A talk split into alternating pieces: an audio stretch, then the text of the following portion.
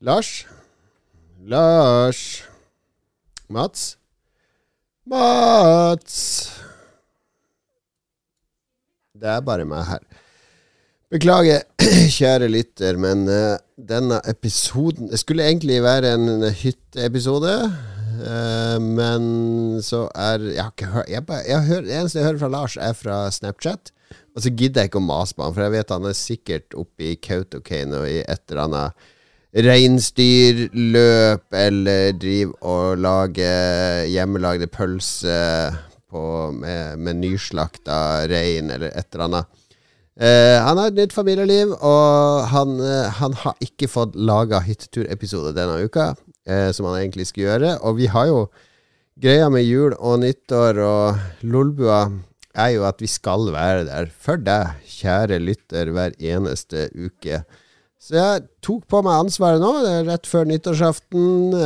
vi skal ha stor fest i morgen, men jeg har fått tillatelse fra min kone til å utsette en del forberedelser, nettopp for å kunne gi deg, kjære lytter, en episode denne uka òg, sånn at du skal slippe å gråte deg inn i det nye året uten en fersk eh, Lolbo-episode. Til gjengjeld så betyr det at du må nøye deg med kun min stemme i en hel episode. Så jeg vurderte om jeg skulle, skulle jeg lage, skal jeg lage Sidbua, eller skal jeg lage Lolbua? Åssen skal, uh, skal, jeg få det her til å, å gå opp? Så jeg, jeg tror jeg laga en eller annen mellomting. Fordi jeg, vi hadde veldig mye lyttebidrag forrige uke. Eh, da vi kåra Goti, altså årets beste spill, i Lolbua. Det ble en ganske bra kåring. Jeg kan stå inne for den. Uh, men vi fikk Vi rakk ikke Vi brukte to timer på å gå gjennom uh, alle spillene hver måned, så at vi rakk jo egentlig ikke å gjøre noe som helst med alle de fantastiske lyttebidragene vi fikk inn. Så jeg har tatt inn alle de lyttebidragene nå her i dag. Ikke alle, men uh, de fleste lyttebidragene nå her i dag. Og så tenkte jeg å gå gjennom de, snakke litt om de. Og så slipper jeg å bli motsagt av de idiotene oppe i Nord-Norge, eller han der uh, latinoen i Oslo, eller hvem andre vi bruker å dra inn. Det blir bare meg. Blir 100% diktator. Det er dette Lolbua har, har blitt til i 2022. Eh, det er dette som er igjen av Lolbua. Det er meg som sitter alene på et loft på Lambertseter. En kid som sitter på naborommet og spiller Jeg tror det er eh, jeg tror det, jeg tror det, hva er det det er Riot uh, Valorant. Jeg tror han er ganske inne i Valorant. En annen kid som er nede og spiller et sånn gorillaspill i VR. En kone som driver og forbereder uh, kalkunmiddag til i morgen nyttårsaften. Kalkunfilet, vel å merke, som driver og sous vides nå. Og så er det en tredje kid som sitter og spiller Destiny på sitt rom rimelig spillinteressert familie, men det gjør at jeg kan ta en time her nå med deg, kjære lytter, og gå gjennom eh, årets beste spill sammen med alle lyttebidragene, og et par av de faste spaltene våre. Men la oss begynne med litt musikk.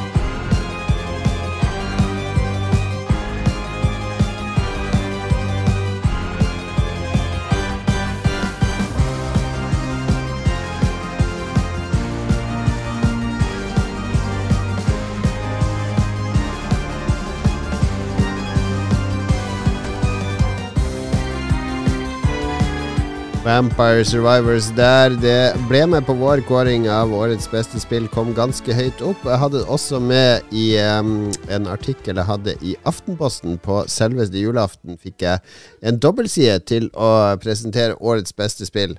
Og det var ikke noe sånn redaksjonell uh, avstemning eller uh, krampaktig forsøk på å objektivt kåre årets beste spill. Nei, Det var rett og slett uh, mine fem spillfavoritter fra året som gikk. Sjekk ut Aftenposten 24.12. for den lista.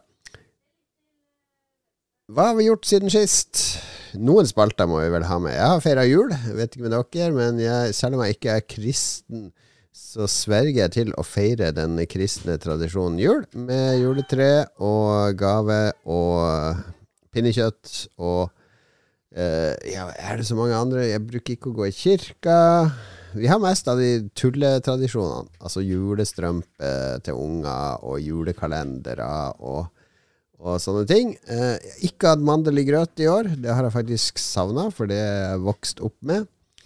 Men ellers har jeg hatt en uh, ganske fin jul. Var, vi var liksom 15 stykk på julaften. Tre familier og en del småbarn. Så det ble veldig mye gaver. Det tok veldig lang tid å åpne alle de gavene. Og for første gang, det er kanskje alderen som teller inn, men for første gang så kjente jeg på en sånn utmattelse med at hvordan i all verden skal jeg komme gjennom uh, denne kvelden her. For det ble, det ble, veldig mye. Det ble veldig mye, veldig lang kveld. Men vi kom i mål. Vi fikk med oss det meste hjem, og fikk jeg noe fint jul. Jeg har fått eh, noen fine bøker som jeg hadde ønska meg. Fått noen fine klær. Jeg hater å kjøpe klær, så det blir jeg alltid glad for å få. Fikk en sånn lader til uh, iPhone og Apple Watch og uh, AirPods, som ikke funker på min gamle iPhone. Jeg har bare en iPhone 11, uh, noob, dust som jeg er. Uh, eller den funker, men da må jeg lime på en sånn magnetring på iPhone og sånn. Det orker jeg ikke. Så den, den ga jeg videre til min kone. Eh, ellers så er det jo mest ungene som får ting. Jeg må jo innrømme at jeg syns det har blitt morsommere å gi enn å få, og det er sikkert fordi jeg er veldig flink til å kjøpe ting til meg sjøl gjennom hele året. Ok, vi trenger ikke å dvele så mye mer med hva jeg har gjort siden sist. Vi kan heller gå på litt uh, lyttebidrag i forhold til denne Goti, denne lytternes Goti-episode spesial, uh, der vi skal høre fra våre lyttere hva deres beste spilleopplevelser i året. Andreas Antbro har tre spill han vil uh, fremheve. Elden Ring. Ikke noe sjokk, det. Det er veldig mange som har den på Goti-lista si. Og så har vi da God of War Ragnarøk, og til slutt Tunic. Og God of War er ingen Lolbua-favoritt. Uh, det skyldes Kan jo skyldes at uh, nesten ingen i redaksjonen har orka å spille det, bortsett fra Philip, som syns det er ganske bra. Men det er ikke et Mats-spill. Det skjønner vi. Eh, det, hva som er et Lars-spill, det er vanskelig å si. Først og fremst bør spillet være gratis. Altså bør det være mulig å gjøre ganske mye i spillet på tre-fire minutter. Hvis, ikke, hvis ikke Lars får umiddelbar tilfredsstillelse, så er det et dårlig spill, er min take på, på Lars sin spillvurdering. Eh, og for min del så handler det jo mest om at uh, jeg har fortsatt ikke fått spilt meg gjennom første God of War, og jeg begynte på nytt nå på PC-versjonen, som ser smashing ut. Føles bra og alt. Men uh, Kratos er ikke min uh, jeg, jeg, vet ikke. Jeg, jeg, jeg, motiveres ikke av historien om Kratos og sønnen og hva de skal gjøre med aska til mora og, og alt annet som, som kanskje ligger Eller som de det et, det er et eller annet med å gå rett fram gjennom en masse brett og slåss og få fortalt en historie hele veien, som for meg er, er er ikke noe som jeg er ute etter i et spill, rett og slett. Jeg er ute etter Altså, det å ha Elden Ring og Ragnarok på samme liste, det er, det er en ganske kul greie, sånn som Andreas har her, fordi eh, Elden Ring er på mange måter det motsatte av Altså, de to spillene er to motpoler til hverandre når det gjelder hvordan du som spiller er med å oppleve et narrativ. I det ene spillet så er det du som nesten 90% former narrativet sjøl, basert på hvor du ønsker å gå, hva du ønsker å gjøre, hvordan du ønsker å spekke karakteren din, hva slags uh, krefter, magi, våpen, uh, strategier osv. du skal ha. Og i det andre så er det et spill der du i stor grad uh, bare innfinner deg med å ta på deg de klærne og de våpnene og det utstyret Og det å gå i den retninga spillet ber deg om å gå, og bli fortalt en historie. Og det er ingenting galt med sistnevnte. Uh, det, det, er ikke sånn at jeg hater uh, God of War. Jeg har kjempestor respekt for den måten å fortelle historier på i dataspill, men for meg så, så blir det spill som eh, ikke utnytter spillmediets styrker til å skape opplevelser sammen med spillerne. Ok, jeg tror det er egentlig kjernen i det jeg vil fram til her. Men eh, Andreas, eh, og alle andre som elsker God of War, Ragnarok Det er helt, helt fett. Helt fett. Ingenting alt i det. Stian Skjerven han, eh, han, var heller ikke så glad i Ragnarok, fordi han skriver at eh, Ragnarok ble en skuffelse. Og det som redda spillåret for han, ble rett og slett Witcher 3 4,0, altså den, den store oppdateringa som kom til Witcher 3 nå på slutten av året. Witcher 3 ble god tid for meg fordi det ga meg tilbake spillegleden etter skuffelsen Ragnarok. Og jeg har spilt en god del Witcher 3 etter den oppdateringa kom. Jeg har en ganske bra spekka maskin, så jeg klarer å kjøre med rate-racing på og uh, DLSS 3 osv., som gjør at jeg får bra framerate. Det ser smashing ut, og det føles smashing. Og også dette spillet Dette spillet er også et spill som er veldig glad i å fortelle eh, sine små historier. Det er en million sidehistorier her og der som du som denne helten, altså denne witcheren, kommer innom. Hjelper folk i nød her og der og får fortalt eh, ulike historier fra denne gigantiske spillverden som eh, CD Project Red og uh, har bygd opp uh, basert på bøkene til denne polske, polske forfatteren. Og det blir, det blir, en veldig levende verden etter hvert. Eh, det er veldig gøy å gå rundt. Jeg har tilbrakt mye av jula i Novigrad, denne store hovedstaden på hovedkartet til Witcher 3. Der jeg har gjort stort sett alt av Quest som er tilgjengelig rundt level 20. og den byen eh, Jeg har en sånn greie med, med RPG og spill generelt, eller spesielt RPG-spill, er når du kommer til en by Jeg hater å komme til store byer i den type spill, fordi da må jeg drive og lære meg gater, hvor butikkene er, hvor alt er. Hver nye by er en ny herk med å prate med 100 NPC-er som står med snakkebobler over hodet, eller som står og har lyst til å snakke med meg. Det er sånn der, eh, Det er så stor terskel for meg. Jeg elsker å utforske villmarka, finne skatter, grotter osv. Å komme til en by er, da, da, blir jeg stressa. Jeg er litt sånn Lars Monsen når det gjelder eh, rollespill. Men Og det hadde sånn med Novigrad, som er den hovedbyen i Witcher 3 òg. Men etter å ha tilbrakt tvunget meg sjøl til å tilbringe masse tid der, takket være ny grafikk og ser fresht ut og bla, bla, bla, så nå er, nå er jeg lommekjent i Novigrad. Og Det er utrolig hvordan de har klart å gjøre den byen levende, spesielt hvis du sammenligner med Cyberpunk 2077, som sliter litt med at uh, det føles ikke som folk Altså de, alle de NPC-ene som går rundt der, faktisk er i den byen, eller den spillverden. Mens i Witcher så føles det Det er en sammenheng mellom byen og uh, de folka som er der, og husene, og det, det er noe som henger på grep, rett og slett i, større grad. Så ja, Stian, er veldig kult at, uh, at Witcher uh, fortsatt leverer varene. Det er en del knot i menysystemer og gameplay og sånne ting, men jeg storkoser meg med Witcher akkurat, akkurat nå.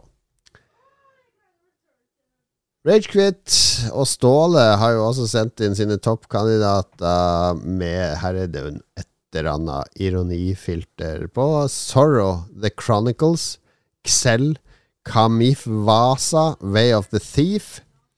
Mulig det er ungene til Ståle sine favoritter, det her, men som Ståle sier, han føler Stray fortjener seieren for Goti i 2022.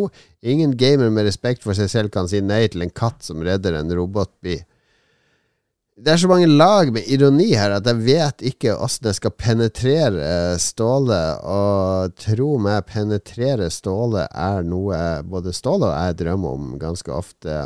Forresten, visste dere at Ståle skal være med på The Voice? Ja, allerede nå i, i, januar. Jeg tror i første episode nå så kan vi få, få et glimt av Ståle og hans fløyelsmyke stemme. Eh, forhåpentligvis. Vi får heie på Ståle og håpe han kommer videre i The Voice. Vi tar med en uh, lytter til før vi tar pause. Jeg må bare si at det føles jævlig dumt å sitte her og prate til meg sjøl, og, og, ikke få noen som helst respons. Og det føles enda dummere når jeg vet at det sitter masse folk der ute som kommer til å sitte og høre på det her. Uh, så ta en kjapp skål for deg som hører på det her. Skål i uh, Færder mikrobryggeri sin, uh, sin juleøl Røkelse. Røkelse god jul, står det. Mørk og ganske god, så skål for det som hører på der.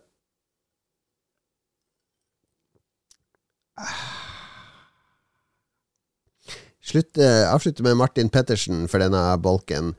Hans favorittfotballspiller Ok, det var spill vi var ute etter, men fotballspiller, vi får godkjenne det òg, er Rydon Madik. Og her er en eller annen meme som er meg som gamling har gått glipp av. Jeg tror det er snakk om en eller annen Pokémon i Pokémon Scarlet, altså den nye Pokémon som kom. Eh, sikkert kjempeartig. Du som lytter, som kjenner denne memen, du sitter sikkert og humrer for deg sjøl på bussen nå. Jeg bare sukker oppgitt og setter på en uh, ny låt.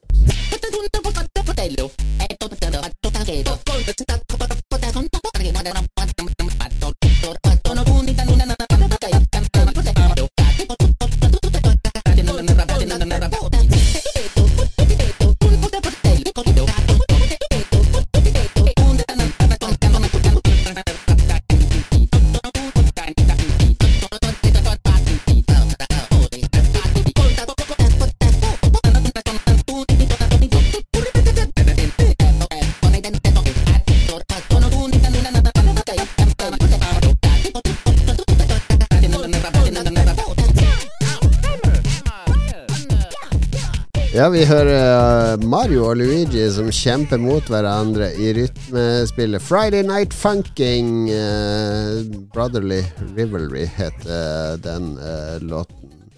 Artig liten sak. Hva har jeg spilt siden sist? Du har allerede nevnt Witcher 3. og så har jeg vært på en hytte i fire dager nå i romjula, og den er uten internett. Uh, så da Vanligvis jeg hadde med Switchen, men i år så har jeg jo en steamdekk. Så jeg hadde med Steamdekken opp, og den fikk kjørt seg hardt med spill, uh, Rogue, spillene Rogue Legacy 2 og Final Fantasy 1. Uh, eh, veldig dedikerte Lolbua-fans fikk kanskje med seg at jeg streama Final Fantasy 1 tidligere i år en gang. Det, det, det, har kommet en sånn samling på Steam med Final Fantasy 1-6 fra Square Enix der jeg begynte å pløye gjennom det første. Jeg kalte karakterene for Mats og Lars og Jon Cato og Philip. Vi dro ut for å redde verden som disse fire Warriors of Light, som det jo handler om i det første Final Fantasy. Og jeg streama det noen timer. Eh, kom et stykke inn i starten av spillet.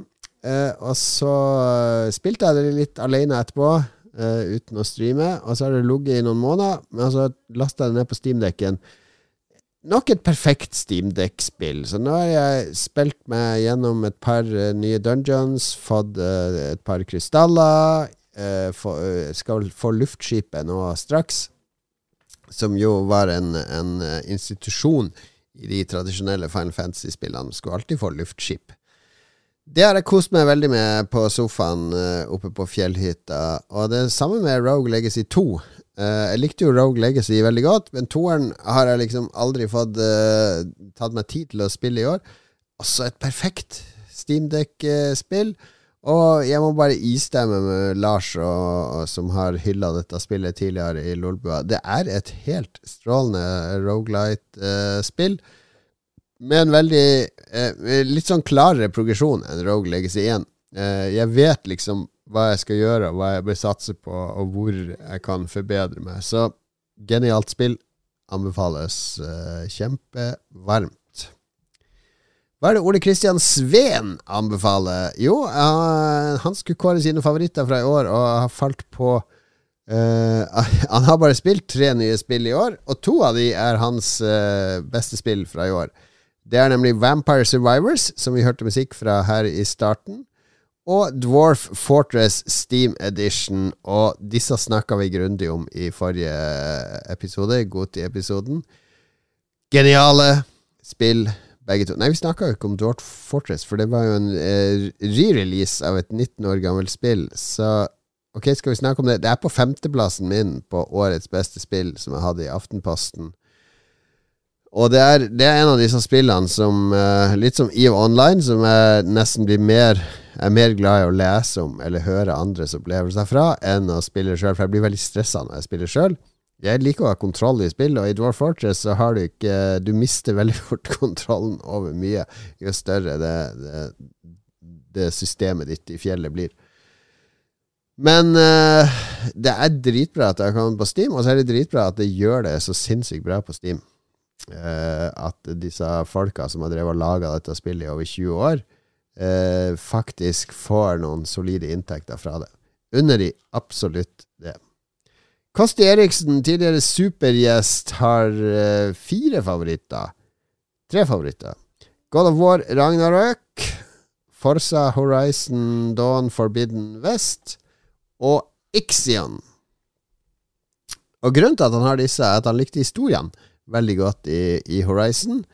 Ville vite hvordan det gikk, og i God of War. Han ville vite hvordan det gikk med to av hans favorittkarakterer i spill, som altså er hun dama i Horizon og han Kratos i God of War. Og syns de ble fortalt på en veldig god måte. Morsomt, med varierte verdener og utsøkt musikk. Eh, altså har han et spill som heter Ixion, som var litt nytt for meg. Jeg lurer på om Mats har prata om det før. Det er et romstrategispill uh, der utviklerne ifølge Kosti har vært veldig flinke til å tenke på konsekvenser av valg, og hvordan man må balansere valgene sine uh, i forhold til konsekvensene av det man gjør. Et strategispill hvor handlinga er lagt til en gren i sci-fi som jeg liker veldig godt, nemlig vår ferd ut i universet. Uh, han liker det han ser, og hvordan han kan leve seg inn i det å være utvandringssjef. Altså uh, så vidt jeg har skjønt, skal du bygge en romstasjon, og det er eh, du må manage denne romstasjonen samtidig som du ut, utvider den og tar, tar, stilling til en hel masse ting som skjer. Det er på min uh, wishlist på Steam, takket være Kosti sin anbefaling. Så enkelt er det å påvirke meg. Uh, Kosti, du har herved blitt en influenser.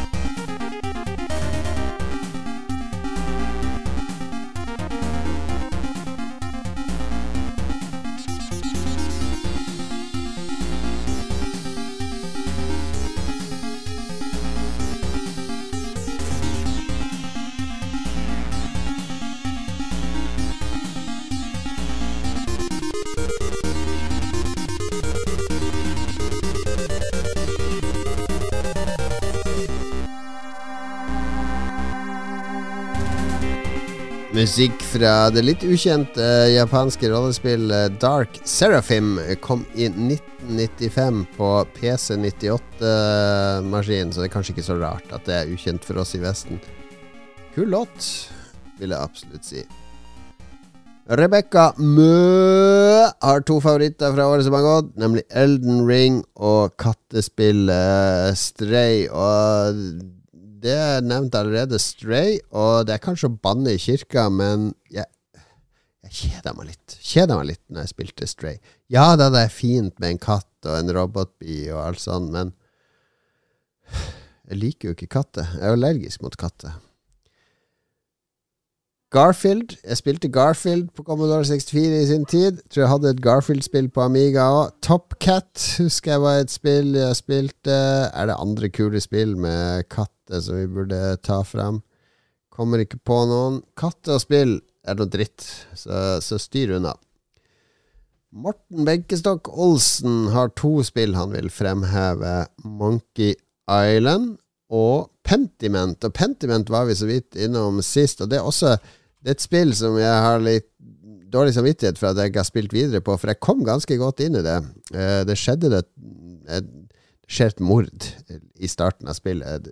Noen vil sikkert si det er spoiler, men uh, det er på en måte premisset for veldig mye som skjer videre.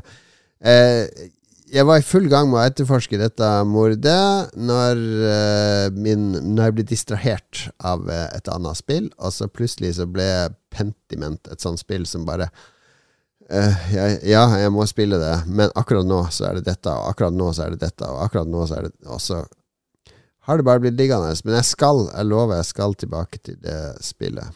Nye Monkey Island er jo knallbra. Altså, den, den nyeste som kom nå, eh, i fjor, fra Ron Gilbert Jeg beklager at jeg kritiserte grafikken og alt sånt, men det er det er the pinnacle of eh, pek-og-klikk-eventyr, rett og slett.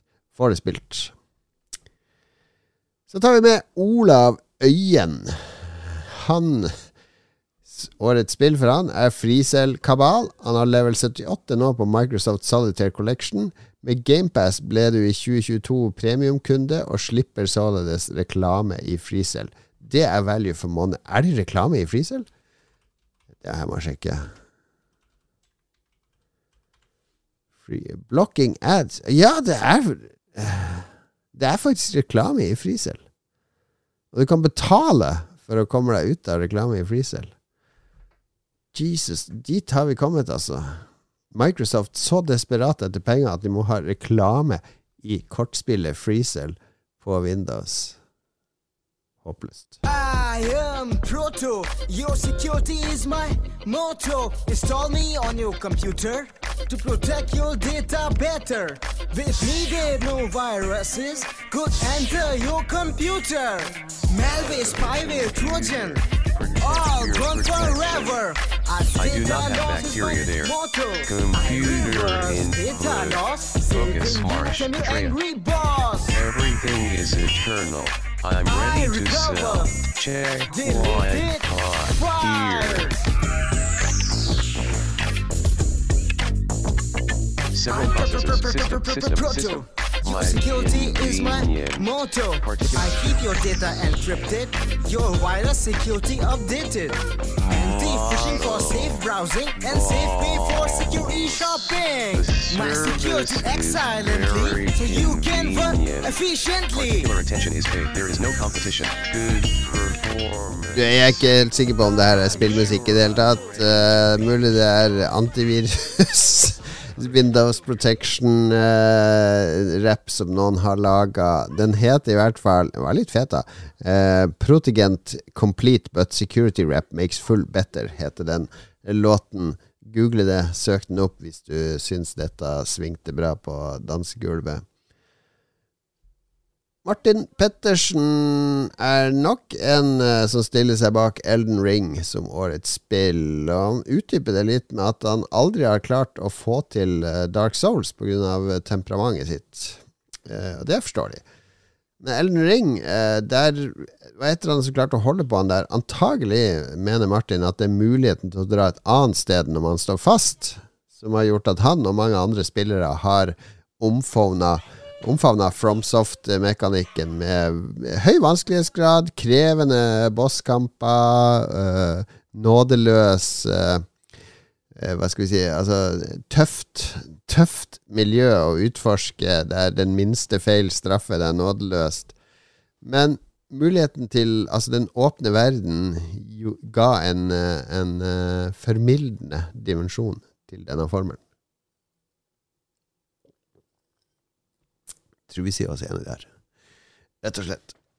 Magnus Sandstad har Player Unknowns Battleground som sin favoritt i år. Det er et spill som fortsatt lever i beste velgående, mye takket være veldig stor spillebase i Asia. Uh, og uh, for Magnus er det hans kongespill til å stresse ned og spille med gutta. De var til og med med i Telia-ligaen i høst, hvor de ikke kom på sisteplass, som var hans mål. Og veldig fornøyd med det, og jeg syns det er imponerende, altså. Uh, han uh, Spill å stresse ned med er viktig, rett og slett. Jeg har en del sånne spill sjøl. Det skifter også. For meg så er Tarkov, tro det eller ei, det er et sånt spill. Uh, det er et spill der jeg kjenner spillereglene, vet hva som forventes av meg, kan kan de fleste kartene osv. Så, videre.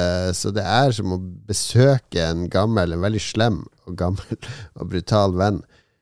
Men det er et spill jeg stresser ned med, et spill jeg flykter til, rett og slett. World of Warcraft kan være et sånt spill. Final Fantasy 14. Disse spillene som du ikke spiller for å mestre, runde og avslutte, men bare for å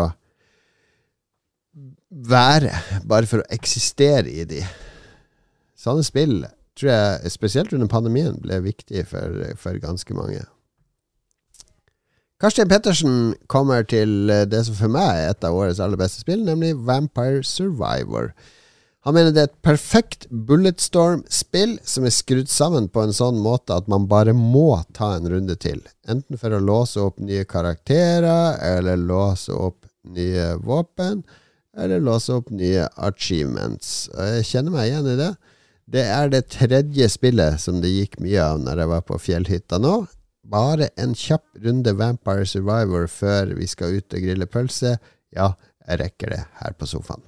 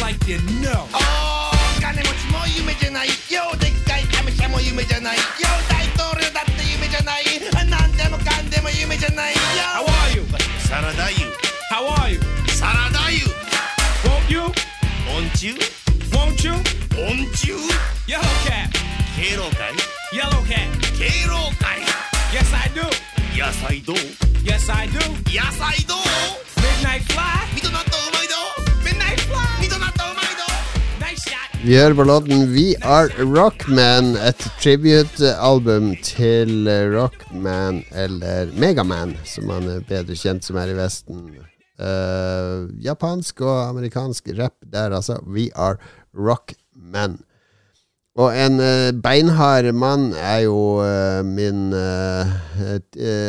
Vi lagde en, en Dronning Elisabeth spesialepisode for Lolbua, med og Joakim Strandberg.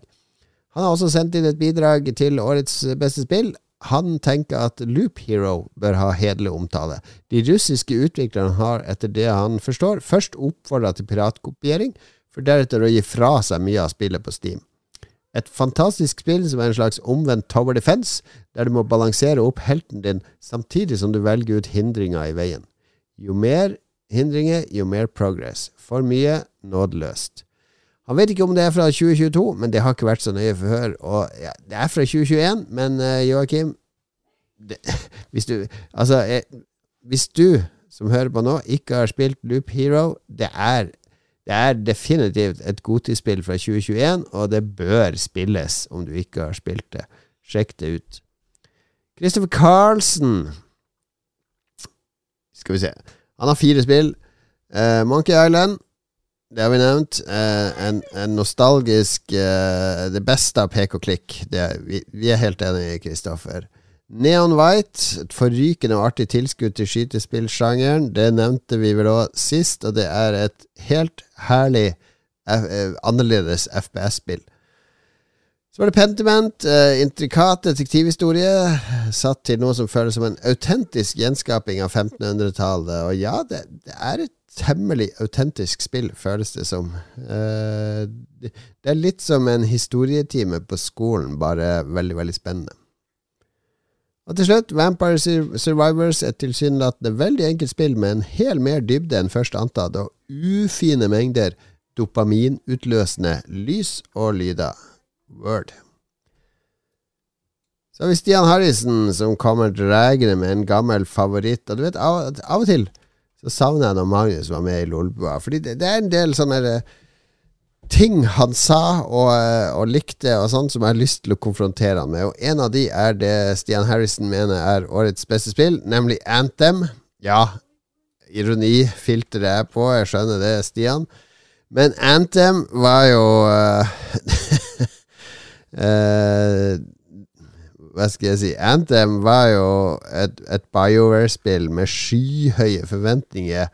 Husker vel en eller annen E3-demonstrasjon der de skulle spille live på scenen, fire stykk, og de kasta seg utfor dette stupet og fløy rundt som Iron Man, og folk var i ekstase. Og så kom dette spillet som ble en sånn merkelig Og det blir ofte litt sånn merkelig hybrid når BioWare lager spill, men det funka ofte. Men, men Anthem funka egentlig aldri. Hadde denne fantastisk detaljerte byen der du ikke kunne gjøre noe som helst i, og så kunne du explore utafor byen, og det var en slags uh, Ja, det var litt sånn blanding av Division og Fantasy Star Online og en masse sånn tradisjonelle coop RPG-spill. Men jeg husker Magnus elska det, Lars likte det godt. Eh, det var, var, var en del Anthem-hype og en del som tilga alle svakhetene. Og så skulle de jo pusse det opp dette spillet EA, de skulle fikse det sånn at det ble skikkelig bra. Men uh, det er jo det er bare borte nå. Det, det fins vel ikke lenger. Så god ironisk uh, kåring her, Stian. Takk. Takk skal du ha.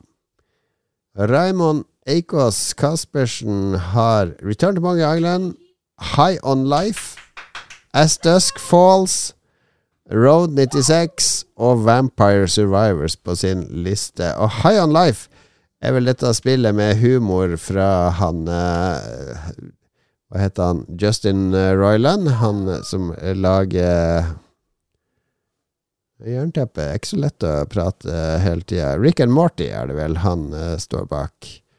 Humorspill, ja, det kan funke. Den har fått litt uh, hard medfart. Uh, litt sånn blanda kritikk, og det er vel egentlig I min bok så er det uh, mer positivt enn at det er unisont kritikerhylla.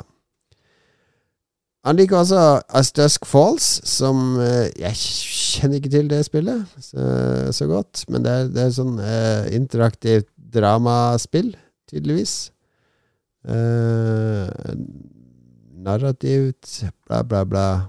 GamePass, bla, bla, bla. Faen, det er slitsomt å lage episoder alene.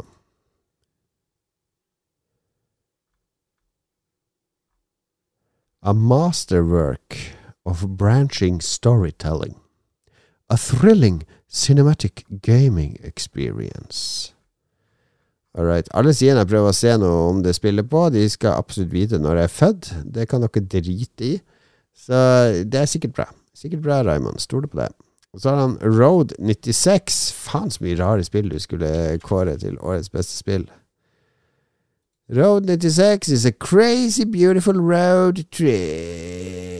Ah, det kom i 2021, så det trenger jeg ikke å snakke om. Uh, sorry, Raymond og Vampire Survivors. Og så har No Man's Sky som beste pågående spill, og det er det kanskje vanskelig å være uenig i. No Man's Sky er jo spillet som bare har fortsatt å gi og gi og gi lenge etter utgivelsen. Jeg har noen koselige timer i VR med det spillet, og også spilt den nyeste versjonen, og det er det er en drøm, rett og slett. Og en drøm er det også og jobber med neste lytter, som er Carl Thomas Aarum, min tidligere kollega i Game Reactor, og også tidligere Lolbua-gjest. Han, uh, han, er en som lytter til det vi snakker om i, i podkasten, og faktisk sjekker det ut. Og et av de spillene han sjekka ut, var Marvel Snap, som omtrent tok over livet til Carl Thomas på en tid. Han har lykkes med Det spillet mener han har lykkes med å stjele det beste fra andre kortspill som Magic og Heartstone, Heartstone og klemt det ned på mobil. Det har beholdt rikelig med dybde, taktiske og, vurderinger og en liten klype RNG. Kortere kamper og mindre deks gjør det lett å ha det moro.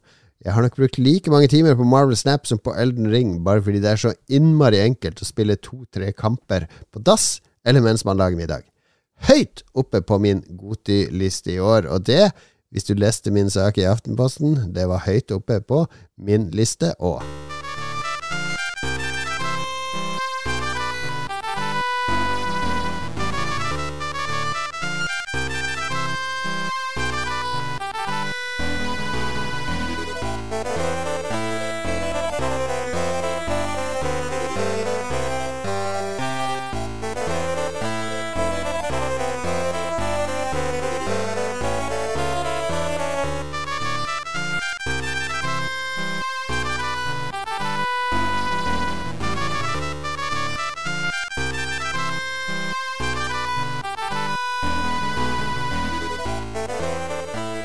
Her hørtes uh, Wizardry 3 ut da det ble lansert på PC Engine på 90-tall. Uh, eh, herlig rollespillmusikk uh, der.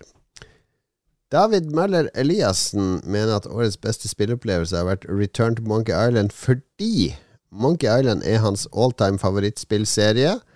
Det er flere i Norge som er med i den klubben. I tillegg så kunne David sitte og gruble på puzzles sammen med fattern sin igjen, altså faren sin. Akkurat som de gjorde for 25 år siden. Og det, David, er noe av det fineste jeg har lest eh, på, på lang tid. Det å dele spilleopplevelser på tvers av generasjoner med familien sin. Jeg gjør jo det med barna mine nå. Og så av og til så tenker jeg at kanskje kommer det til å bety masse for de i framtida. Hvem vet? Nei, men jeg ble oppriktig rørt. Dette, dette, dette er sånn som hører romjula til, David. Veldig bra. Veldig bra innsendt. Annebeth Solli. Her i huset går det bare i racerbiler, så det må nesten bli et racerbilspill.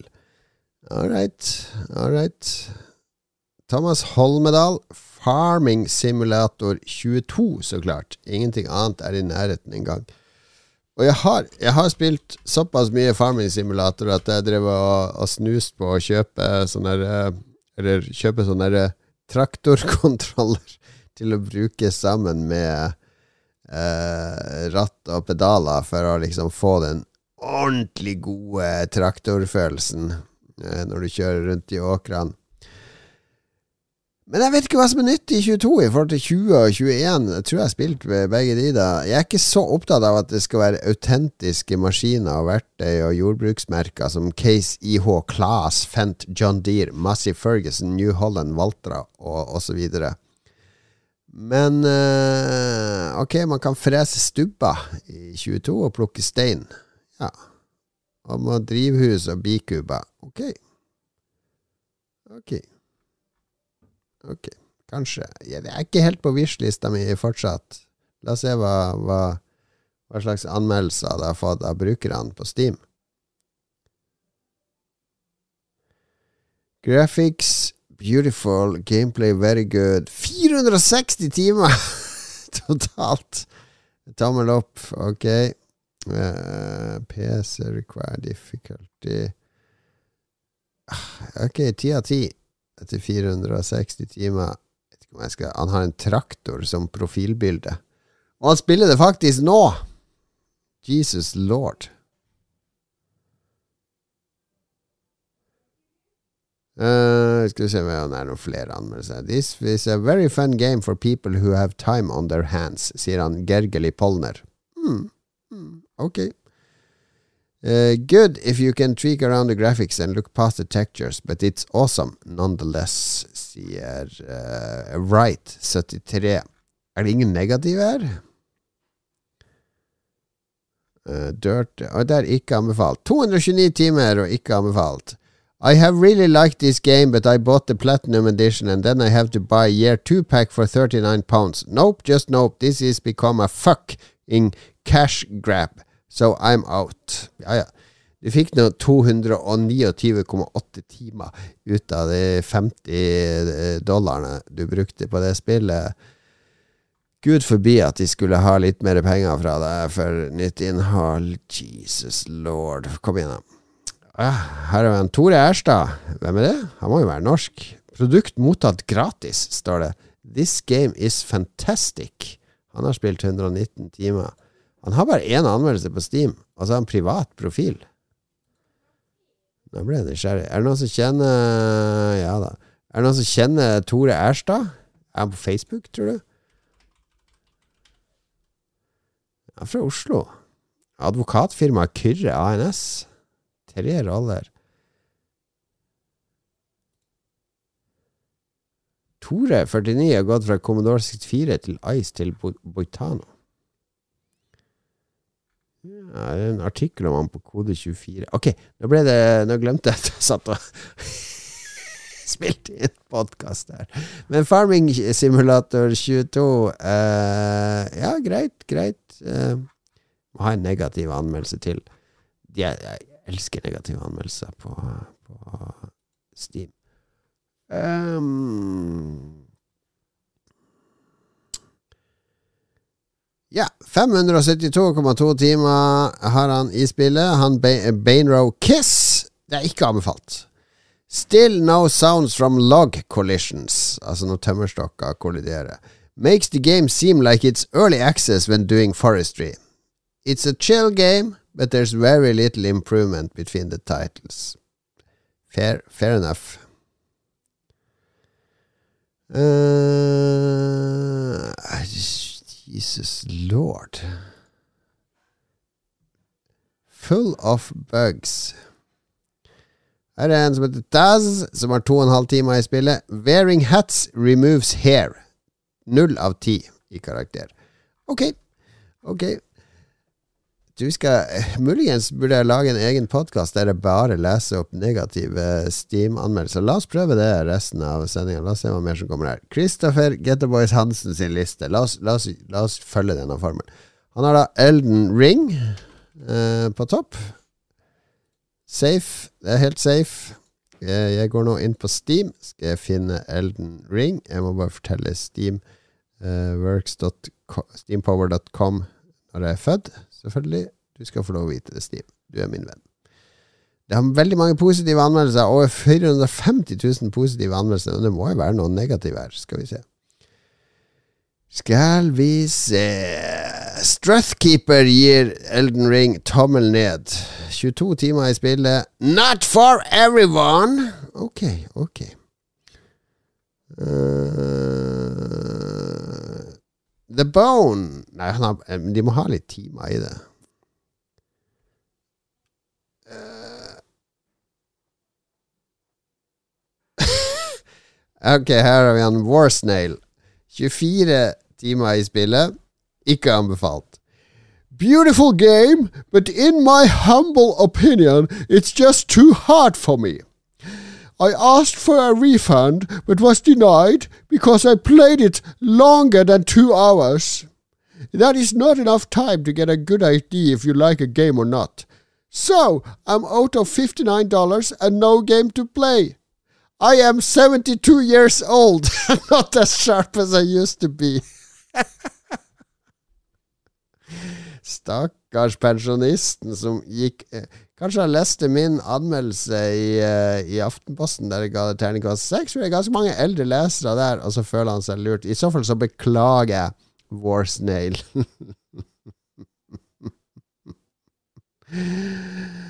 uh, det må være noen bedre Bedre anmeldelse. Enda bedre anmeldelse. 137,7 timer har han hoka og tommelen ned Fire Giant sucks massive balls. Det respekterer jeg. Gå inn og gi en negativ anmeldelse etter du har stått fast tre timer på en boss. Uh, ok. Ambell Han anbefaler det ikke. Han har 381,1 timer i spillet. I tillegg så skriver han at han har over 500 timer i spillet fordi han spilte det først på PS4. Han har Runda spillet tre ganger og platinumed it twice. Han gir det fortsatt tommel ned. Uh, hvorfor? Hvorfor? Han mener at bossdesignet er dritt. Uh, de har for mange delayed attacks. Uh, Co-op er, er dårlig.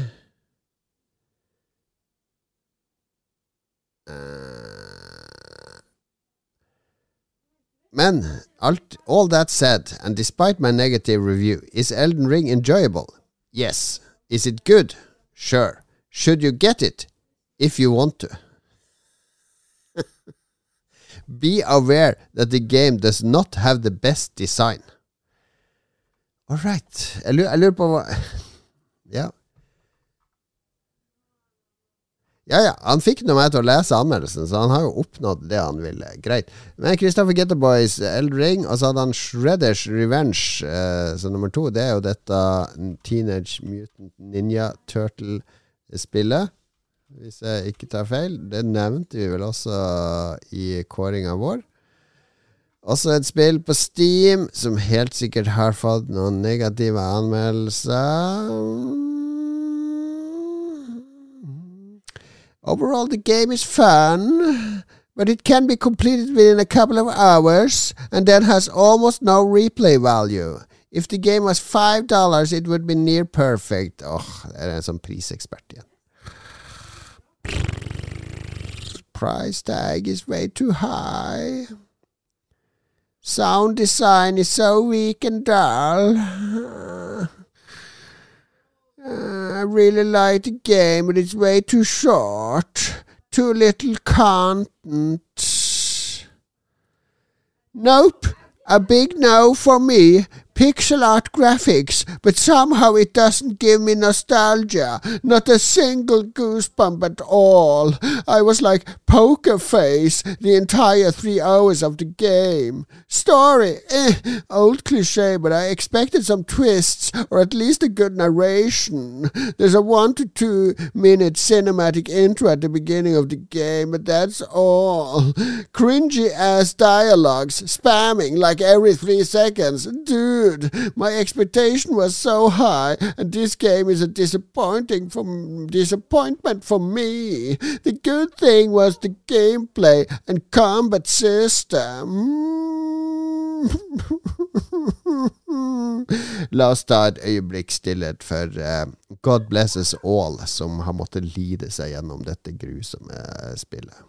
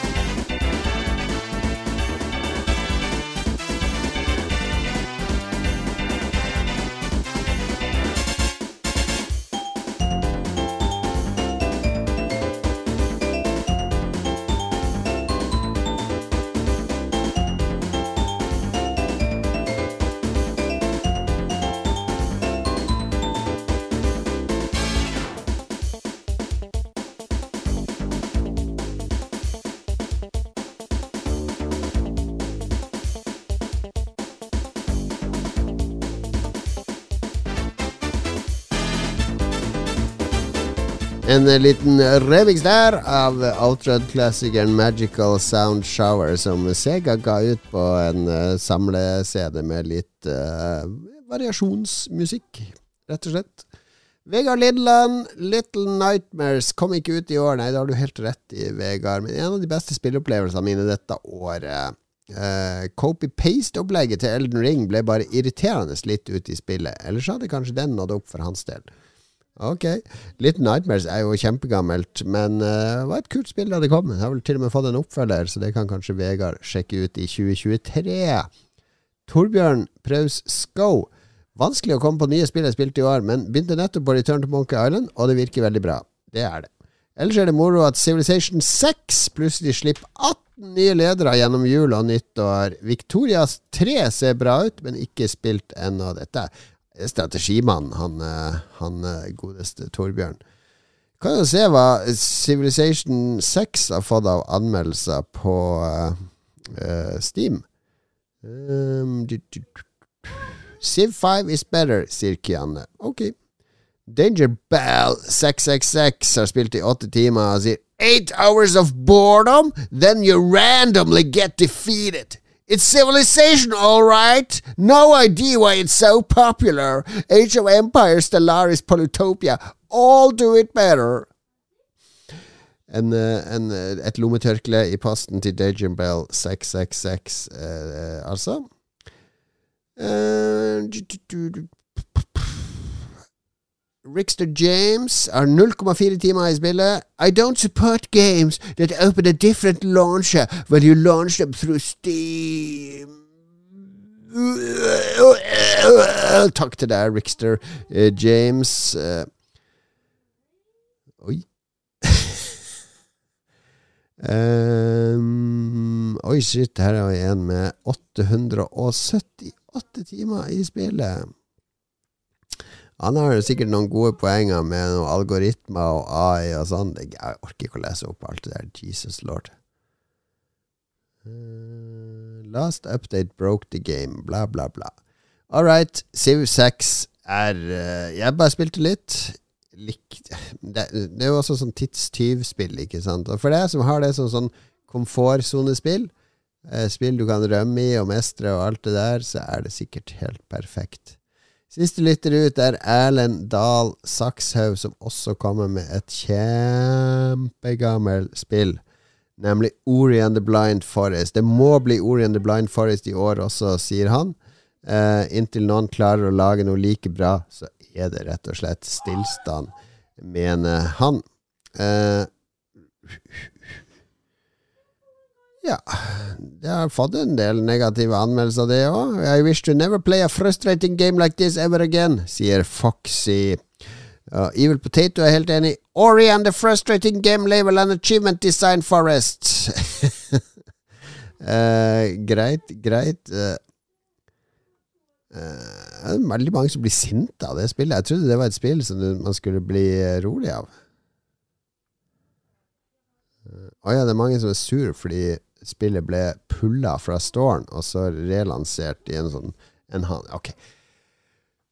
Jeg har sittet her og prata til meg sjøl i nesten en time. Vi må nesten rappe opp nå. Jeg beklager at dette ble en veldig sånn der uh, uh, Kun meg i denne episoden. Uh, jeg kan ikke tenke meg at noen kan like å sitte og høre på meg i en time, men det ble nå fordi vi må stå ved vårt løfte om at det er Lolbua hver fuckings uke. Hver eneste uke gjennom hele året. Og det ble en episode denne uka òg, takket være meg.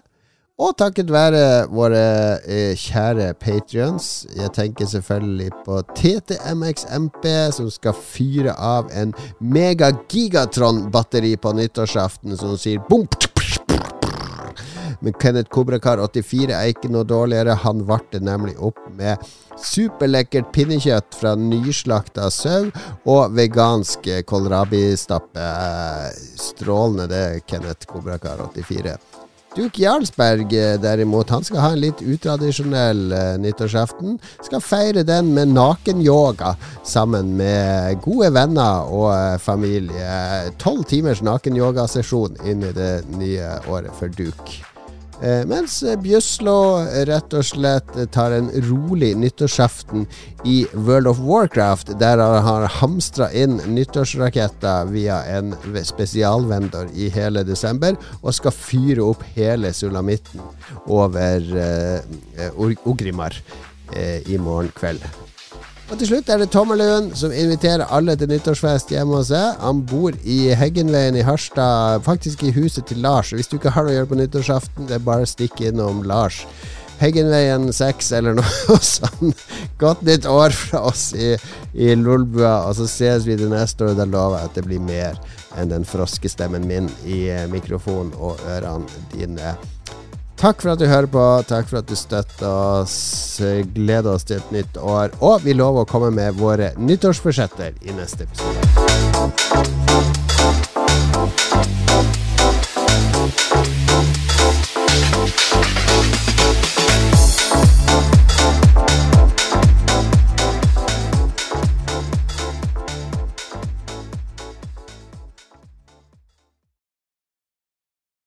Har du et enkeltpersonforetak eller en liten bedrift?